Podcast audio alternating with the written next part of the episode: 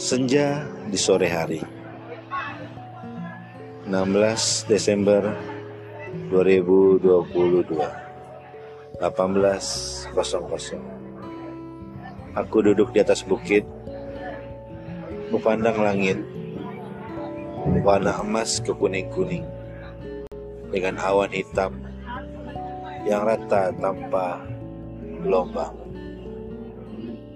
Kudengar suara lantunan ajan Kudengar suara pengajian Begitu riuh ramai alam ini memanggil untuk kita beristirahat.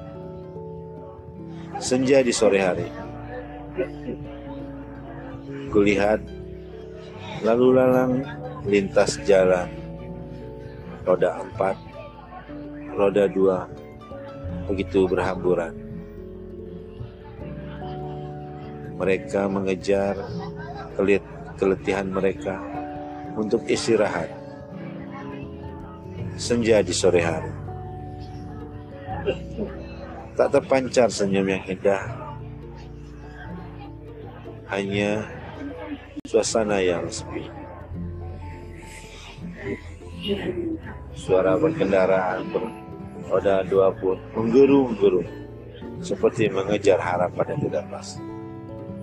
Selamat menikmati malam minggu selalu untukmu senja di sore hari.